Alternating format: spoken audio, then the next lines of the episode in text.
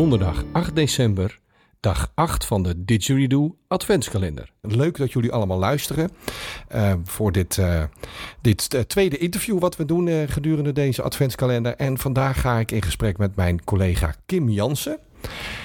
Kim is uh, trainer-coach bij ons. begeleidt praktijken in, in het helpen met het goed managen van de praktijk. Maar daarnaast is Kim gespecialiseerd in alles rondom team en communicatie. Kim, goeiedag. Goeiedag, René. Hoe gaat het met je? Ja, goed. Ja. Leuk, maar ook best wel een beetje spannend zo'n eerste keer een podcast opnemen. Dus, ja. dit is echt ook voor ons iets nieuws. Dus ja.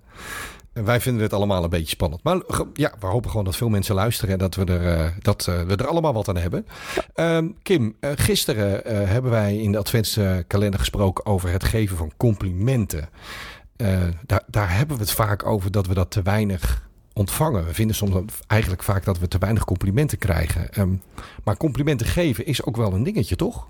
zeker een dingetje. Um, waar we vooral onze focus hebben op vaak is op dingen die niet goed gaan. Hè, of dingen die anders zijn of uh, dingen die fout gaan. Um, en op een of andere manier vinden we het heel erg moeilijk om juist te gaan kijken naar de kwaliteiten of dingen die juist wel heel erg goed gaan of er iemand heel goed in is.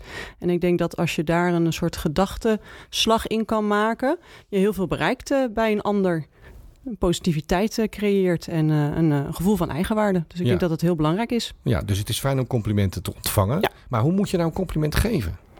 Nou, ik denk dat het heel erg belangrijk is om heel goed te bedenken waarover je een compliment gaat geven. We zijn heel snel geneigd om te zeggen: Oh, wat heb je een leuke trui aan of wat zit je haar goed. Maar dat zegt eigenlijk niet zo heel erg veel over de persoon zelf. Het is veel belangrijker om een compliment te geven over zijn gedrag of iets waar iemand heel erg goed in is of waar iemand um, jou bijvoorbeeld heel enorm heeft bij geholpen. He, dus ik denk dat het veel belangrijker is om daar een compliment over te geven dan juist de praktische of de, ja, wat, hoe noem je dat? Um, ja, de kleding of iets wat je meer ziet. op uiterlijk dan, ja. dan dat het om het innerlijke gaat. Ja, hè, dat zegt ja. niet zo heel veel over de persoon. Dat zegt meer iets wat iemand uh, aan heeft getrokken in plaats van over het gedrag of, ja. of wie de persoon zelf is. Ja, want als we, als we nou kijken naar um, wat er in de praktijk gebeurt. Hè? We zijn natuurlijk uh, zeer intensief met elkaar, zeker in de gezelschapsdierenpraktijk, de hele dag met elkaar aan het werk, in gesprek, uh, vragen veel van elkaar, verwachten veel van elkaar. Maar als jij nou, hè, jij begeleidt praktijken daar in teams. Mm -hmm.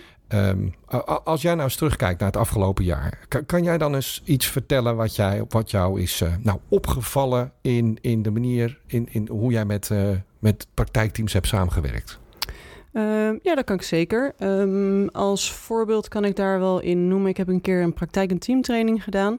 Um, daar kwam de vraag vanuit de werkgever dat er twee uh, medewerkers waren die niet optimaal met elkaar samenwerkten. Dat botste nog wel eens. Uh, hadden toch een andere visie op het werk en spraken daar elkaar op aan. en dat verliep niet heel erg goed. Dus de vraag was of ik daar een keertje bij kon zijn om te kijken van hoe kunnen we dit verbeteren in de toekomst. Hè? Want dat zou toch veel prettiger zijn. Maar ontstond daar dan uh, spanning of ruzie of een conflict? Of wat, wat gebeurde er dan tussen die twee mensen? Ja, dat was wel echt een conflict wat er op de, op de werkvloer uh, ontstond. Hè, waarin de ene bepaalde verwachting had van de ander, die de ander niet kon waarmaken. Um, daarop werd aangesproken. Um, ja, en, en, en dat, dat, ja, de werksfeer werd daar wel minder van. Hè. De ene had wat minder plezier om naar het werk te gaan. Die was ook een beetje bang hè, om dan weer terechtgewezen te worden. Uh, terwijl de andere met de beste bedoelingen probeerde tips en adviezen te geven om de andere te verbeteren. Um, ja, dat, dat was geen fijne werksfeer op een gegeven moment meer. En, en, jij bent toen met ze in gesprek gegaan. Ja. Wat, wat heb je toen gedaan? Um, nou, het als eerste wat ik met ze heb gedaan is gewoon heel erg goed inzicht geven in hun eigen gedrags stijl, een voorkeurstijl. Van op welke manier communiceer jij nou en op welke manier kijk jij nou tegen problemen aan? Dan, dan, dan, gebruik, je, hè, dan gebruik je DISC als, me, als methodiek om daarachter te komen. Ja. Dat, kan je even toelichten wat DISC precies is in twee zinnen? Um, DISC is eigenlijk een gedragsmodel waarin heel duidelijk wordt dat er verschillende typen gedragsvoorkeurstijlen zijn. Um, die allemaal eigenlijk prima zijn. En als je daar inzicht in krijgt in welke jouw voorkeurstijl zijn en welke andere er stijlen er zijn, um, geeft dat vaak gewoon wel wat rust. Oh, dat is ook prima dat iemand het op een andere manier benadert en niet zoals ik. Ja. Niet iedereen hoeft het precies te doen zoals ik het doe. Dus er zit geen goede fout in, maar Nee. het is, uh, elke stijl heeft zijn plussen en zijn minnen. Ja. Oké, dat heb je bij deze twee mensen gedaan. Ja. Wa- en- en wa- waar leidde dat toe? Uh, ten eerste heel erg goed inzicht in um, waar sta ik en waar staat de ander eigenlijk. En wat bleek is dat zij lijnrecht tegenover elkaar stonden. He, dus als zij naar iets keken, was hun manier van uh, acteren op iets echt letterlijk tegenovergesteld. Nou, dat gaf al wat rust en inzicht. Nog steeds was dat niet geheel de oplossing. Hè, want dan proberen ze soms elkaar toch nog te overtuigen van ja, maar waarom bekijk je het niet vanuit mijn perceptie en waarom doe je het niet zoals ik het doe? Dus, dus je zegt twee tegenovergestelde stijlen. Kan, kan je die stijlen benoemen? Um, ja, dat kan. Um, de ene persoon had een hele directieve. Hè, dus die bekeek het probleem heel erg taakgericht. Terwijl de andere veel meer op een menselijke en wat meer um, introverte manier uh, naar problemen keek. Hè, wat eigenlijk wat conflictvermijdend was. Ja, ja. ja, en dat botst dan op een gegeven moment natuurlijk, hè, waarin de ene heel erg direct is in zijn communicatie en de andere eigenlijk een beetje meer in een pleasende rol conflictvermijdend zit. Ja. Ja, kan dat enorm botsen. Ja, dus, dus de directieve stijl, hè, de, de, de, volgens mij is dat de rode stijl, of de, Ja. de, de D-stijl. En dan tegenover staat meer de mensen die wat Ja, heel erg mensgericht zijn en die vinden Ja. heel erg belangrijk dat er een samenwerken. samenwerken en Ja. een goede sfeer heerst. Ja, Ja. ja. Maar en dat inzicht, waar leidde dat toe? Ehm, nou, dat gaf al in ieder geval wat rust. En vooral ook van, oké, oh, wacht even, als mijn gedrag... Dit is mijn gedrag en dit komt zo over bij de ander. Hè, waar, waarin ze zich konden verplaatsen in de ander. En ehm, om daar een soort gezamenlijk doel in te vinden... heb ik ze meer inzicht gegeven. Oké, maar vanuit de kernwaarden... waarom zitten we hier met z'n allen op de praktijk? En daar heb ik een soort gezamenlijk doel in gevonden voor hun beiden. Hè, waar stonden ze voor? En dan bleek dus dat ze vanuit kernwaarden... Dus de klantgerichtheid, mensen helpen, eh, zorg leveren... dat waren dingen die zij allebei heel erg belangrijk vonden. Alleen vanuit een ander gezichtspunt, vanuit een andere gedragsstijl. Oké, dus je hebt naast inzicht geven in we zijn twee verschillende mensen, Ja. heb je wel iets gemeenschappelijks. Hebben ze iets mee- gemeenschappelijks ontdekt waardoor ze Ja. beter begrip voor elkaar kunnen vinden of betere basis vinden om samen te werken? Ja, nou ja, het doel waarnaar, waarnaar ze beide streven is natuurlijk hetzelfde. Hè? Dat was toch de, die patiënt en de klant zeg maar een goed gevoel geven en de beste zorg geven. Alleen ze deed dat vanuit een ander gedragsvoorkeurstijl. En daar kan je dan samen afspraken over maken. Oké, maar wat vind ik prettig en wat vind jij prettig? En hoe kunnen we hier ervoor zorgen dat we zeg maar samen iets creëren waar we ons allebei prettig bij voelen? Ja. Zodat de een niet elke keer hoeft aan te passen aan de ander. Want dat is het ook. Hè? Ik bedoel, we hoeven niet te veranderen. Maar soms is het wel heel erg belangrijk om even te kijken waar heeft de andere behoefte aan. En kan ik daar een klein stapje naartoe zetten om de ander ook een bet- beter gevoel te geven. En, en, en hoe gaat het nu tussen die twee mensen, weet je dat? Eh, ja, Ehm, gaat, gaat een stuk beter. Ze hebben elkaar echt beter leren kennen. Dat is denk ik heel erg belangrijk. Waarbij ze ook allebei opdrachten hebben gekregen. Waar de een zeg maar wat meer de rust moet vinden. en Wat de directheid iets moet temperen. En de ander heeft wat opdrachten gekregen om iets eerder aan de bel te trekken als dingen haar tegenstaan. Of als ze ergens een vervelend gevoel bij heeft. Oké. En dan kunnen elkaar daar ook in eh, triggeren om, eh, om elkaar daarop te ondervragen. Dus dat werkt een stuk beter nu, ja. Nou ja, fijn, fijn om te horen dat ze daar en elkaar beter hebben leren kennen. Ja. Maar, maar nu spreek je over iets tussen twee individuele teamleden. Ja. Eh, Kan je ook nog iets delen wat je meegemaakt hebt met een, met een geheel team? Eh, ja, ehm, vaak doen we deze training dan ook. Hè? Dus dat, inzicht over DISC ook met het hele team. Want niet alleen als je met twee mensen zit. Soms als het ook prima werkt in een team... is het heel erg goed om inzicht te krijgen van... oké, maar vanuit welke gedragsstijl werk ik en wat doen mijn collega's? Ehm, en wat ik een keertje heb gezien, of tenminste wat je vaak ziet... maar ik, ik, ik neem nu even een specifiek voorbeeld...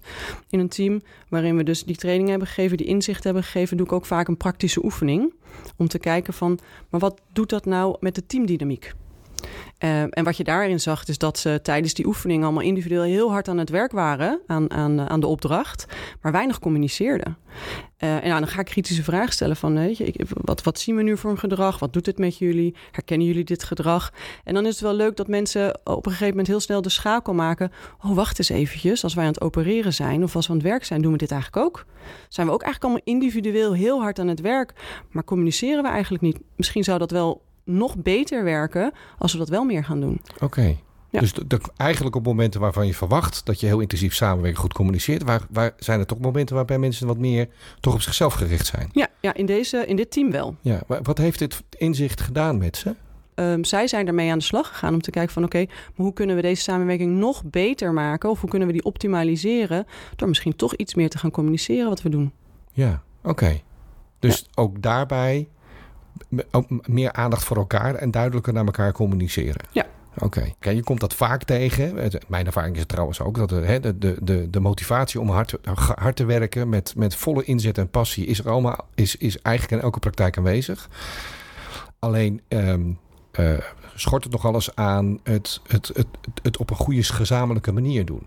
Als je nou gaat kijken, hè, nou staan we aan de rand van, uh, van het nieuwe jaar, 2023. Mhm. We hebben natuurlijk een periode met hoge werkdruk. Dat wordt ietsje beter, maar toch steeds is de werkdruk behoorlijk hoog. Zeker ook door het tekort aan personeel. Wat, wat wil jij uh, de mensen die luisteren en de teams die volgend jaar weer het volle moed gaan de slag gaan, nou meegeven voor 2023 om te streven naar toch uh, goed, goede zorg leveren. Uh, uh, maar ook goed kunnen samenwerken met ja, zoveel mogelijk plezier op de werkvloer. Mm, wat ik ze daarin mee wil geven is, um, ga stilstaan en kijk eens gewoon eens naar je collega's en ga eens kijken waar ligt nou die kracht bij die andere collega. Waar is die andere collega nou zo heel erg goed in? En mogelijk dan ook, waar zou die jou bij kunnen helpen? En ook die vraag andersom stellen van, weet je, maar waar ben ik nou heel erg goed in en waar zou ik de ander nou bij kunnen helpen? In plaats vooral de focus te leggen op waar mensen niet zo heel erg goed in zijn. Oké, dus dat is misschien... Uh mooi materiaal om de kerstdagen mee in te gaan. Om eens na te denken over jezelf en over je collega's. En dat volgend jaar eens met elkaar te delen. Ja, ik denk dat dat een hele leuke is. Oké, hartstikke goed. Leuk, dankjewel Kim. Uh, en dankjewel ook voor jullie om weer te luisteren naar... Uh, naar, deze, uh, uh, naar dit gesprek, naar deze Digido Adventkalender, waarbij we dan nu een interview hebben gehouden. We gaan dat nog een aantal keer doen gedurende de Adventskalender. En morgen staat er natuurlijk ook nog iets voor je klaar. Dus blijf elke dag terugkomen. Schrijf je in met je e-mailadres, dan krijg je van ons een berichtje. En dan zien we elkaar morgen weer. Dankjewel voor het luisteren.